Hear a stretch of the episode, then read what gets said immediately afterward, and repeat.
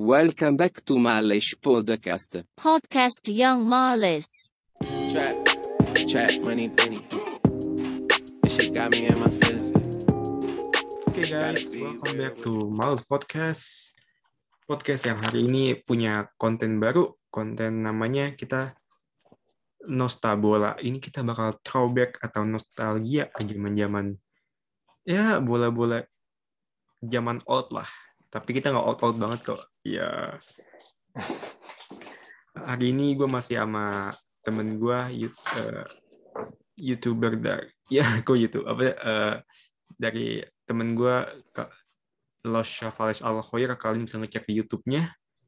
Kalau mau review taktik ya kalau kalian capek kan nonton. Ya ya ini orang ke mana?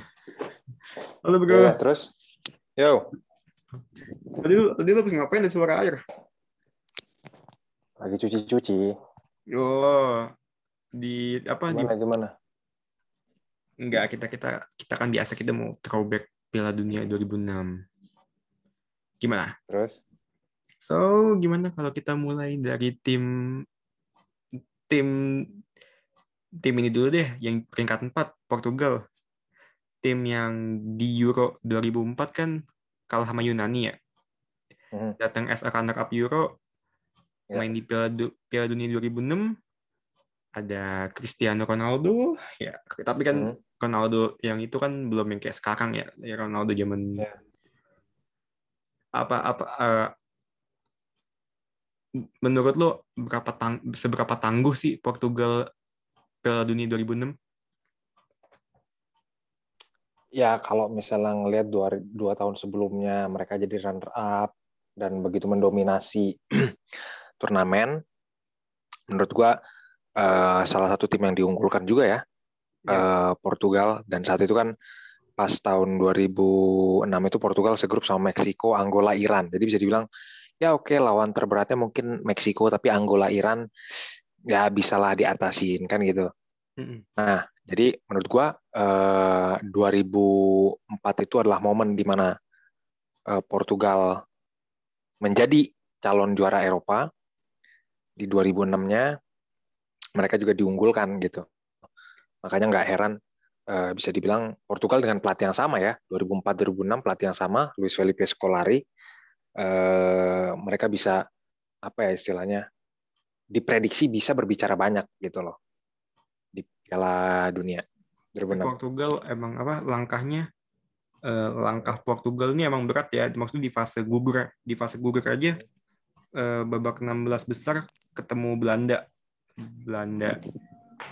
Dan lan- mereka menang 1-0 habis lanjut ke babak selanjutnya mereka ketemunya Inggris Inggris yang Inggris yang Inggris yang itu itu apa ya istilahnya golden age ya kan maksudku eh, squad emas lah Iya.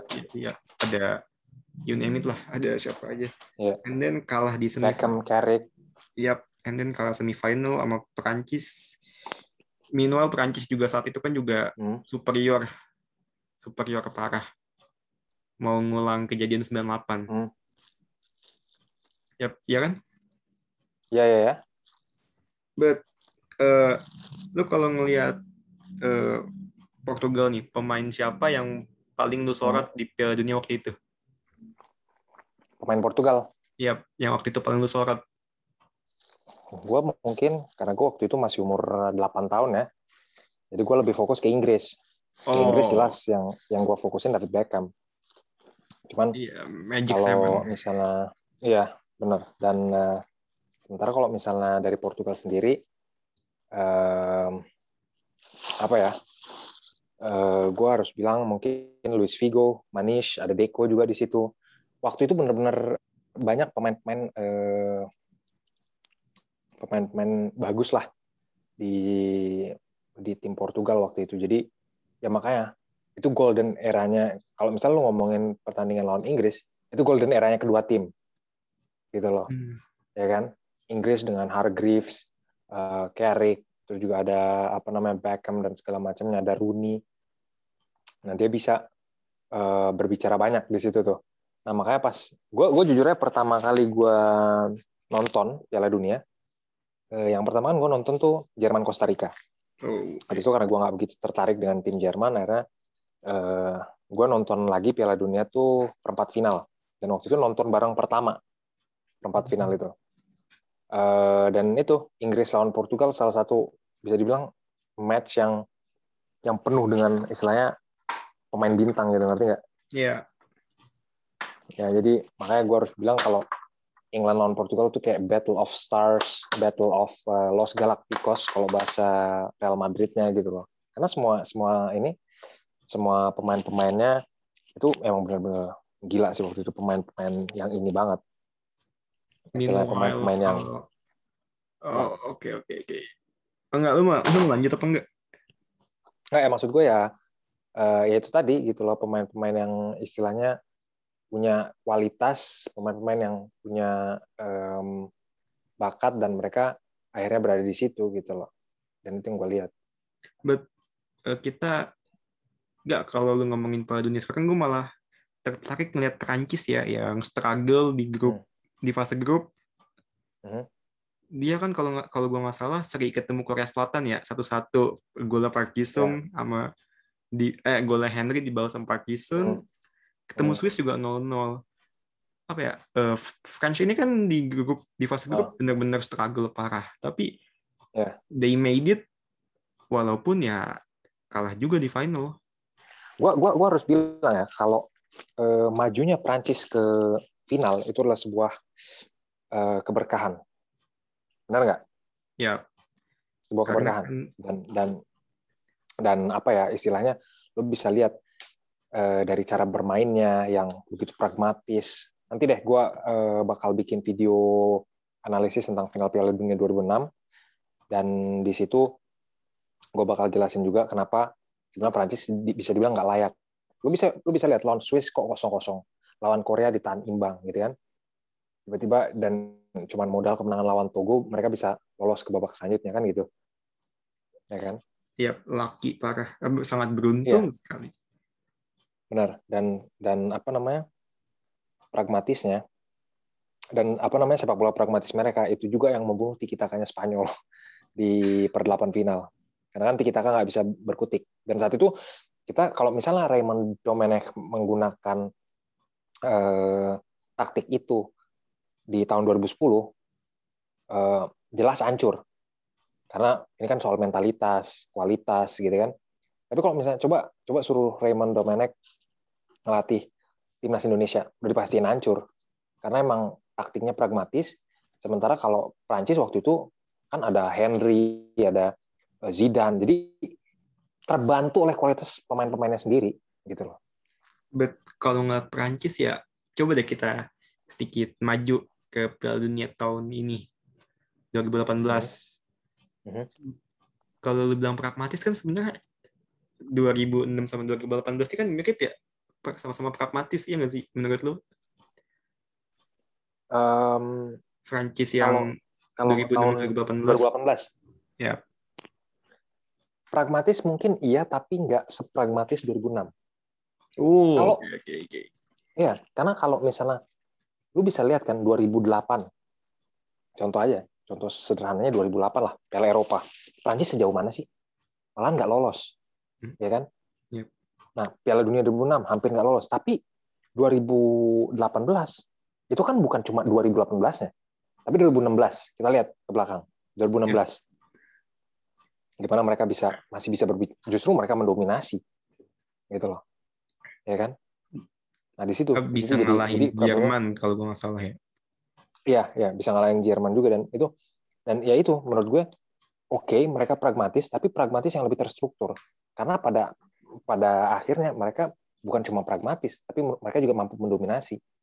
Sementara kalau Piala Dunia 2006 terus Piala Dunia 2000 eh apa terus Piala Eropa 2008 itu nunjukin banget kalau pragmatisnya itu nggak cocok pragmatisnya Raymond Domenech sama taktik Prancis gitu.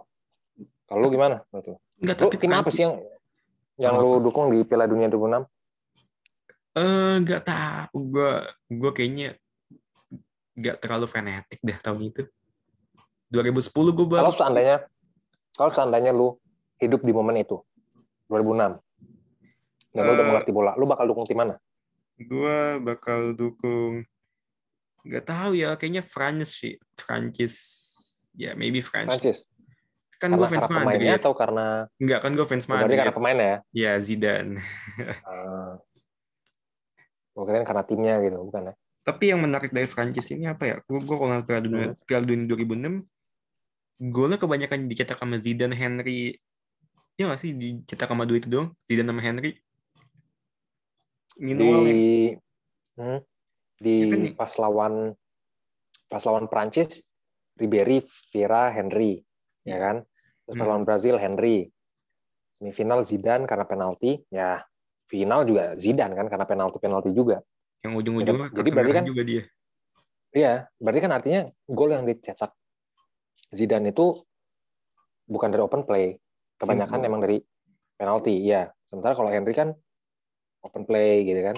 Karena emang karena Henry kan berdirinya di depannya Zidane ya. Yap. Jadi karena Henry berdiri di depan Zidane, jadi bola selalu kasih atas atas. Itu kalau gaya-gaya permainan mereka waktu itu tuh. Jadi kasih atas langsung kasih Henry makanya pragmatis banget. Sementara kalau kalau di Prancis 2016 mereka ngandelin Paye. Sementara 2018 ngandelin siapa sih istilahnya? Gitu kan? Lebih lebih mengandalkan lini tengah mereka gitu loh. Yang mumpuni 2018 sangat mumpuni sekali loh lini tengahnya Mhm, mhm. France. Karena menurut lu gimana? Apa? France. France menurut lu apakah France. layak ke final atau gimana menurut lu? Ya, kan yang gue bilang di awal tuh apa mereka ya pasti kan cita-cita awalnya kan pengen nge-repeat apa yang mereka bisa lakukan di 98. Lu kalau ngomong Prancis tahun itu ya tahun 2006 Hmm. ada anak muda Frank Ribery sana masih Mhm. but Umur berapa tuh?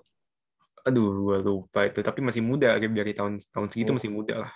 Yang apa ya eh, menurut gue yang harus eh, gue nggak gini gini. Di saat Piala Dunia tahun 2006 itu kan ada dua anak muda yang calon-calon bintang lah. Ada Podolski Hmm. ada Ribery. Eh Podolski tahun itu umurnya berapa ya? Gue lupa. Asli gue lupa Podolski tahun.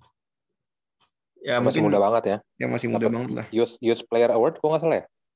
iya kalau terus Ronaldo, ada Ronaldo juga yang masih muda juga. Ya Ronaldo. banyak pemain-pemain muda di Piala Dunia Hmm. 2006 yang yang sampai sekarang ini masih apa ya nama masih yang jadi superstar di zaman-zaman sekarang. Ya, Mhm. ya gue That's ini true. gue kalau ngeliat Prancis ya gue selalu apa ya ngelihat anak-anak mudanya itu 2006 ada Ribery 2014 Hmm. mungkin ada Griezmann Griezmann awal-awal no 2014 Eh, 2018 kita sekarang tahu udah ada Kylian Mbappe nah Prancis jadi kalau Prancis ini gue bilang setiap ada Piala Dunia selain yang menarik timnya anak mudanya selalu menarik nggak nggak pernah nggak menarik Ya ya. True true true. Selalu ada bintang baru ya istilahnya. Mm-mm. ya mu- ya Hmm. ya anak muda selalu menarik nggak pernah ya mungkin 2010 em, ya tapi eh, Prancis setiap Piala dunia pasti ada lah satu anak muda Ya, yang 2010 menarik. kan Loris. Debutnya Loris kalau nggak salah ya. oh 2010 iya Loris yang sekarang, sekarang jadi Hmm. tapi kita George pindah, Moore. pindah ke tuan rumahnya ya pindah pindah ke tuan rumahnya si Jerman nih Hmm. Jerman as a tuan rumah eh how- to say it ya mereka mereka kalah sama Italia kan kalah sama Italia yang Jerman waktu itu kalau gue nggak salah ada Michael Ballack Hmm. Eh, siapa lagi Podolski kipernya kipernya masih eh, Olivier Lehman. oh sorry Lahman Oh, no, Lehman, Iya, sorry, ya. sorry, sorry. Mereka kan eh, kan Lehman baru tampil di ini dia soalnya. Di Liga Champions 2006 kan sama Barcelona eh sama Arsenal. Iya, Nah, sorry, dia jadi sorry. pilihan utama kan waktu itu. ada si Klaus eh, Mhm. Klaus Podolski eh, ada juga anak muda yang menarik Philip Philip Lam Mhm. enggak enggak lu lu lu, lu ngeliat Jerman nih Jerman ada dua anak eh, bukan eh, ada ada du- ada dua anak muda yang menarik Podolski sama Philip Lam Aha. opinion lu ke du- kedua anak muda itu waktu lu menonton Piala Dunia ini 2006 Ya, jadi kemarin bukan kemarin lah, eh, maksudnya sampai sekarang gue gue juga masih nonton ya nge-flashback ulang itu itu kan ada di YouTube kan Yep. eh, Italia lawan Germany. Kalau yang gue lihat memang mereka berdua tuh mainnya udah smart Yep. di Piala Dunia 2006. Cuman emang sayangnya aja lawan Italia kalah karena eh, apa ya? Sebenarnya ini bisa bisa aja sampai ke babak penalti gitu loh. Cuman eh, kalau misal lu lihat lagi gol dari Grosso itu kan karena kelengahan pemain saat menjaga corner kick sama golnya Del Piero itu karena semua pemain Jerman udah pada maju. Golnya lawan apa? Golnya Del Piero itu kan di menit-menit akhir. Dan gue melihatnya sebetulnya mereka punya punya peluang untuk maju ke final pada tahun itu gitu loh, jadi juara. Cuman ya sekali lagi eh, kesalahan dari pemain yang ya istilah gimana ya? Kalau misalnya lu lihat permainan dari Lam sama Podolski at that time mereka udah eh, smart. Smart dalam artian mereka tahu memposisikan diri gitu loh. Nggak kayak anak muda ini gitu. Schwe- Schweinsteiger menurut gimana waktu itu? Bastian Hmm, belum waktu belum Jerman lawan Itali Eh, enggak kan yang di tengah tuh apa? enggak secara keseluruhan Ba- Bastian Schweinsteiger itu menurut lu gimana? Sel- Ya Selama pemain Euro. pemain biasa selama- aja ya, pemain biasa Dunia. aja karena dia nggak selalu jadi starter yang diandelin kan di tengah tuh Kehel sama Balak. Yep. Ya kan? Balak istilahnya ya dia udah kapten, nggak nggak tergantikan juga. Eh, cuman karena adanya Kehel, jadi eh, kadang kadang apa namanya Balak diduetin sama Frings pas lawan Swedia, ya kan? Habis itu pas lawan apa namanya lawan Argentina, eh, Balak masih sama Frings. Jadi artinya sebetulnya Schweinsteiger tuh nggak dapat tempat gitu loh. Pas lawan Itali, Balak Kehel. Eh, pas eh, Jerman lawan Portugal, Kehel Frings itu diduetin lagi. Jadi Schweinsteiger benar-benar nggak ada tempat. Dia selalu jadi eh, apa namanya subs. Dan itu pelatihnya saat itu kan Jurgen Klinsmann. anak muda juga. Eh pelatih muda juga 42 tahun. Ya pelatih itu. muda juga yang langsung ambil ini. Gitu sih. Jerman yang Lo gimana? Lo lo lo apa namanya? Jerman yang dulu itu udah Jerman yang sekarang bukan sih Jerman yang punya filosofi the best defense is attack.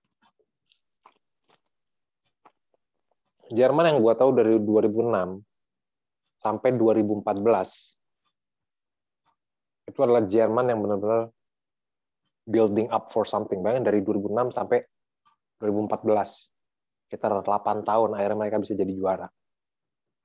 Tapi Jerman yang setelahnya let's say 2016 and so on itu apa ya? Kayaknya kayaknya emang emang emang pelatihnya yang harus diganti gitu. Jermannya nggak ada masalah. Cuman pelatihnya yang harus diganti. Gitu. Karena secara pemain muda apa secara pemain mereka selalu adanya pemain-pemain bintang. Iya. Eh, Exactly. Timo Werner, ya, Timo Werner walaupun kemarin Hmm. lawan Makedonia Utara miss agak Mhm. le- ya Jerman tuh selalu pu- punya apa ya bintang-bintang baru lah. Tapi nggak nggak cuma Sekali lagi pelatihnya kan. nggak cuma pemain ya pelatih juga banyak dari Jerman. Meanwhile sekarang kan yang rame di pasaran pelatih Jerman semua kan. Pelatih Jerman, iya benar. Tapi kan di timnasnya itu regenerasinya nggak ada. Hmm, Pelatih dengan taktik yang sama, dengan tapi dengan pemain yang berbeda kan susah juga. hmm, oke. Jerman kalau lu nanya sama gue Jerman gimana? Hmm. Ya gue gue ya kan gue ngeliat kan kok kalau gue Hmm. kan gue ngeliat pemain-pemainnya ya Lukas Podolski sih yang yang sangat Hmm. menggugah mata gue maksud gue Podolski itu boleh gue bilang Lewandowski sekarang lah bedanya Lewandowski Ah. lebih efektif Podolski lebih aktif Ya, menurut Ya. gue tuh apa ya lagi on top performnya. Podolski kan lahir tahun 85. Dia udah mulai starter tahun 2006. Bayangin. Dia kan sebenarnya dipanggil timnas tuh dari tahun 2004-2005 kan. Dari usianya yang benar-benar muda, akhirnya dia langsung promosi ke timnas senior. Dan akhirnya dia bisa menjaga konsisten itu. Dan mungkin ya, mungkin. Atau gue gua juga nggak tahu sejarahnya gimana, cuman 2006 setelah Piala Dunia, dia pindah ke Bayern. Yep. Jadi gue nggak tahu tuh apakah dia eh, apa namanya gara-gara Piala Dunia dia bisa join atau sebelum Piala Dunia udah ada deal-dealan dulu. Nah, itu yang gue nggak tahu. Cuman kalau misalnya emang benar Bayern Munich tertarik karena penampilannya di timnas, berarti itu luar biasa menurut gue. Karena Munchen yang waktu itu kan ya Munchen sekarang juga Munchen sekarang juga gila sih, Hmm. tapi Munchen yang waktu itu kan Hmm. Munchen um, siapa Munchen 2006 um, gue lupa lagi. Ya intinya Munchen tahun Munchen 2006 kan juga Munchen Ah. On fire. Ya. lah. Meanwhile Podolski kan di timnas Jerman juga lama kan maksud gue. Sampai nggak cuman 13 tahun lah ya. nggak numpang lewat lah, maksud gue lama tuh orang Hmm. dari Iya. su- eh, nggak semua pemain bisa kayak gitu nggak nggak semua pemain bisa tahan lama Hmm. di di Sebenarnya bisa dibilang dia sama kayak Bambang, ya Bambang Bambang Pamungkas. Pamungkas. Dari umur 19 atau sama kayak Boas, Boas 17 malah ya. Ya Tapi pas dia udah tahun 2017, dia main di Galatasaray terus dia pindah ke Jepang. Nah, itu udah selesai tuh. Udah nggak dipanggil-panggil lagi. terus he's done ya dia dia Udah selesai. Benar-benar udah kayak ya no place for you man. hmm, even dia sekarang masih 35 tahun ya 35 tahun Ya, 35 tahun dia dia mainnya di mana? Di Turki. Eh, Zlatan 35 tahun comeback.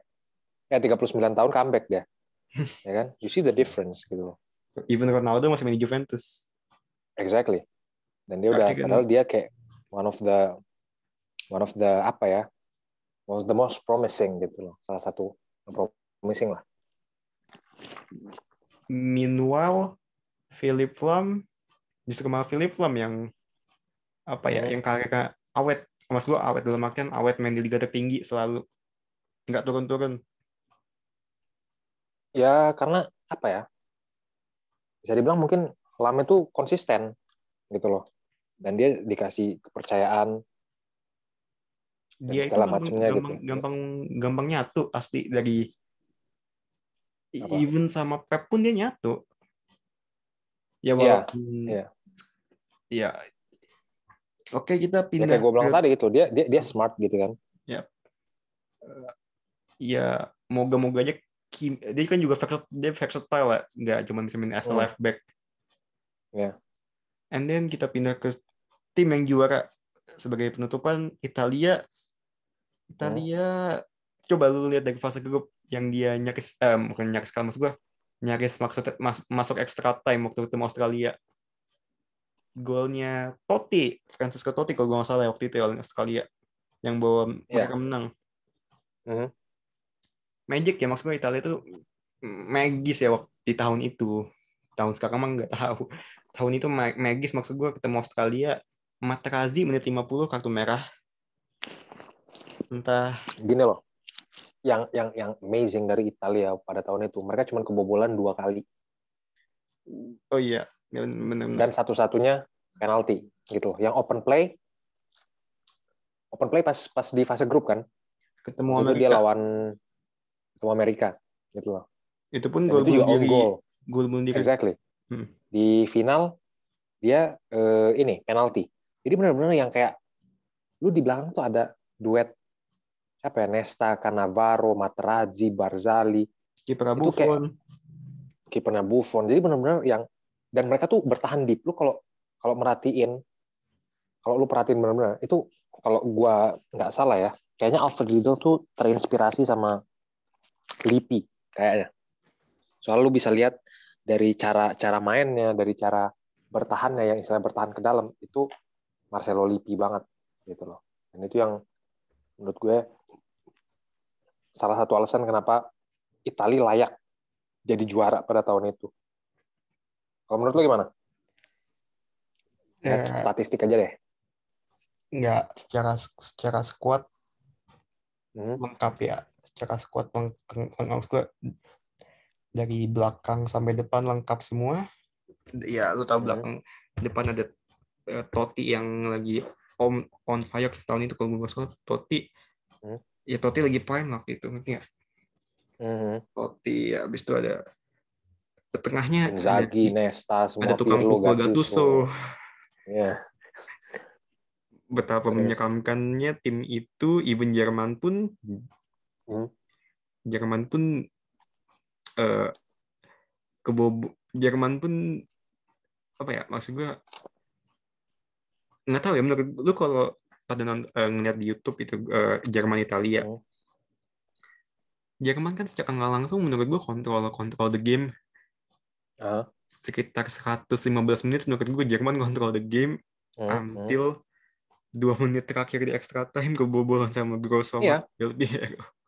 Makanya itu yang eh, Nggak, itu yang mental lihat mereka men- apa? mental, mental Hmm. mereka mental mereka tuh magic tuh magis mental mental mereka ya Hmm. dikuasain hampir 100 menit lebih tiba-tiba bisa menang dengan dua gol cepat kayak gitu mental mereka magis nggak cuman Mereka mampu mereka mampu ini sih menurut gue. Mereka mampu melihat peluang 119 menit itu kan gol yang golnya Grosso di menit 119 itu ibaratnya gol yang jatuh dari langit lah.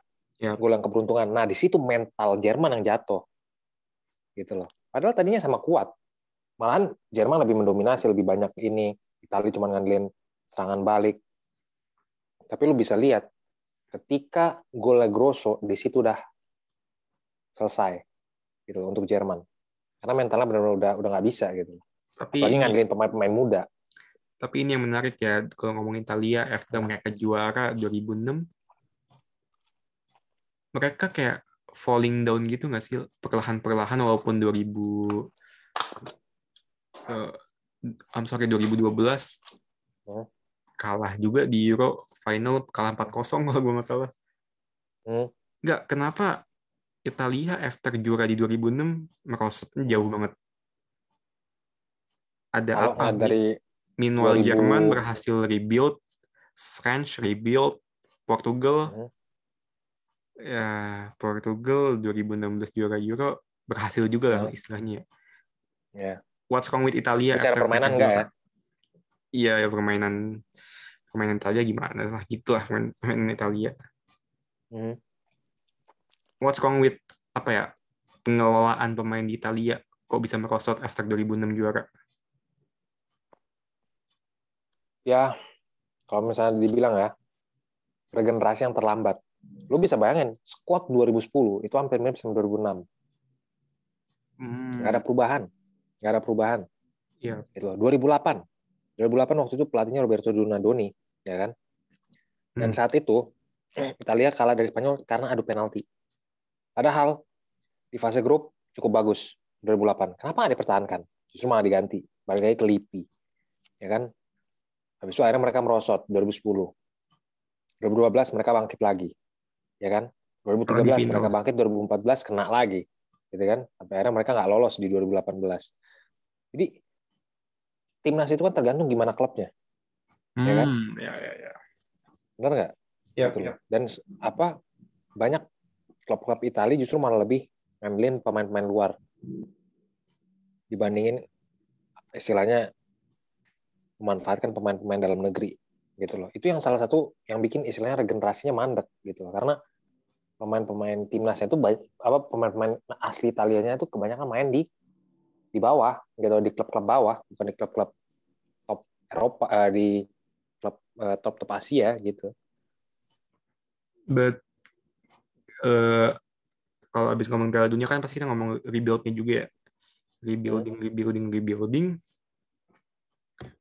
Ada nih satu tim yang menarik menurut gue after 2006 yang rebuildingnya sangat sukses. Spanyol yang kita tahu kalah sama Prancis di 2006 terus habis mereka tiba-tiba menguasai dunia hampir eh, ya empat tahun lah dari Euro 2008 sampai Euro 2012 Hmm. mereka menguasain semua Aha. apa nih yang lu lihat dari apa ya, cara Spanyol ngelola apa ya, asosiasi football mereka sampai bisa menguasain dunia after 2006 Balik lagi ke klubnya kan.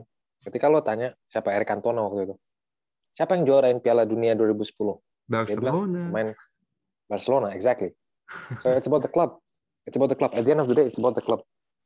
Jadi lu nggak perlu tanya timnasnya melakukan apa, federasinya melakukan apa. No. Timnas itu hanya mendukung apa yang sudah ada di permukaan. Sementara yang di dalam tanah, dalam lautan itu yang menggali itu klub. Dan di sini La Masia berhasil melakukan itu.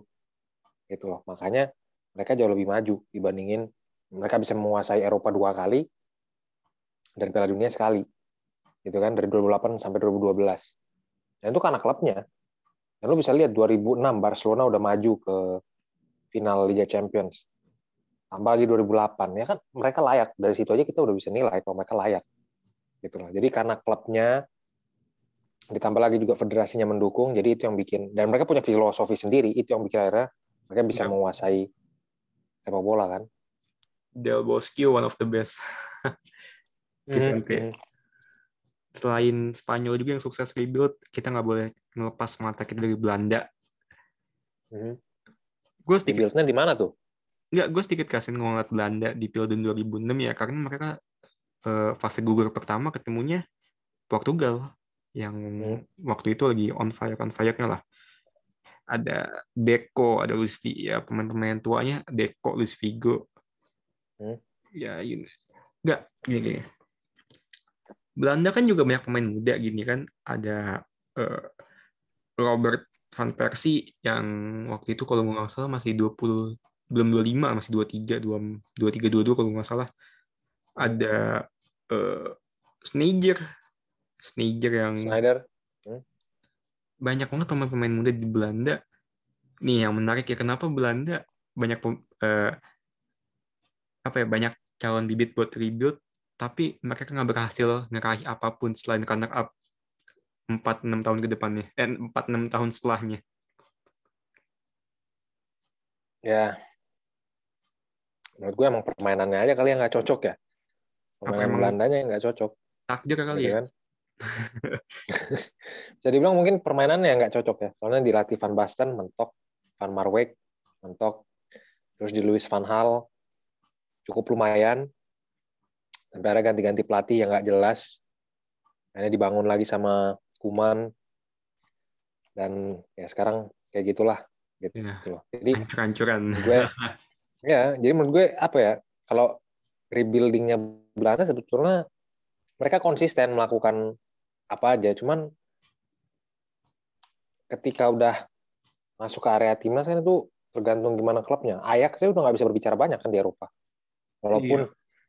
pelatihnya ini mungkin mungkin sekarang faktor pelatih. Nggak banyak pelatih Belanda yang sekarang udah dulu ada gitu kan. Dulu banyak tapi sekarang nggak sebanyak Jerman. Jadi itu salah satu alasan mungkin ya kenapa timnasnya juga ikut ikut apa namanya terpengaruh Tapi kalau gue ngeliat Belanda ada satu yang mencuri mata gue. Pemain bekas pemain Madrid, Rafael van der Vaart. Mhm. gue ngeliat Nah, ini, ini orang gimana main di ya? Mad- apa ya? eh, dibilang angin-anginan enggak juga, dibilang bagus sosok lah. nggak juga Tapi ini orang kan sempat jadi eh, apa ya? Digadang-gadang jadi pemain besar juga kan. Mhm. Walaupun ujung-ujungnya ya we know lah. Makanya dia dibeli Madrid. Ya ada di eh, ya. Ah, nggak tahu gue gue kalau ngeliat Van de Vaart ya, gue ngerasa kayak mungkin dulu nih orang bisa gitu duet sama Ramos sekarang ya. Kalau dia sukses kalau kalau dia ya bisa sukses lah paling enggak but now nah bro ya banget. Ya gimana ya bisa dibilang Van, Van der Vaart mungkin dia punya talenta terus tiba-tiba dia ninggalin salah satu klub terus habis itu hilang aja gitu. Gitu kan? Pas dia pindah ke mana gitu tiba-tiba hilang aja gitu. Kayak udah nggak ada lagi yang nyorot dia. Gitu. Itu sih yang yang bikin tiba-tiba ya what is happening? Gitu kan? Yap. sama Van der Vaart tapi gue gue pribadi sih gue nggak terlalu fokus ke pemain mudanya ya. Gue fokus kepada permainan tim. Sebagus apa pun timnya kalau misalnya pemainnya nggak mendukung ya mungkin eh, Prancis itu salah satu ex- exception ya. Prancis dengan kualitas pemainnya dan juga dengan permainan yang pragmatis akhirnya mereka bisa lolos. Itu mungkin one of the exception. Tapi gue selalu Ini- percaya ini Kalau- ini, ini last ini last terakhir terakhir. Itali how they play di Piala Dunia jela- eh, apa ya, kasih penjelasan taktik Hmm. singkat aja tentang Piala Dunia 2006 Italia gimana cara main Hmm. mereka singkat aja penutup penutup eh secara permainan mereka bertahan defensive deep yang akhirnya bisa membuat mereka clean sheet beberapa pertandingan, sebenarnya kebobolan dua gol. Cara menyerang, permainan pragmatis, dua winger didorong ke dalam karena dua back sayapnya bakalan overlap, kayak gitu. Berarti ini fix ya? Eh, bukan, berarti ini ngikutin Mourinho. Mourinho ya Mourinho atau eh, siapa Alfred Riedel gitu ya oh Alfred Riedel ini justru Mourinho mungkin terinspirasi dari Lippi habis itu uh, ya akhirnya menginspirasi Alfred Riedel juga mungkin ya yep. oke okay, bro thank you udah nemenin lumayan lama juga tapi gue liatnya pendek dong cuma kita bawa-bawa sampai apa tadi ngomongin Belanda. Ya terima kasih juga. Sehat-sehat terus bro. Thank you you too man. Bye bye semua. Thank you for listening.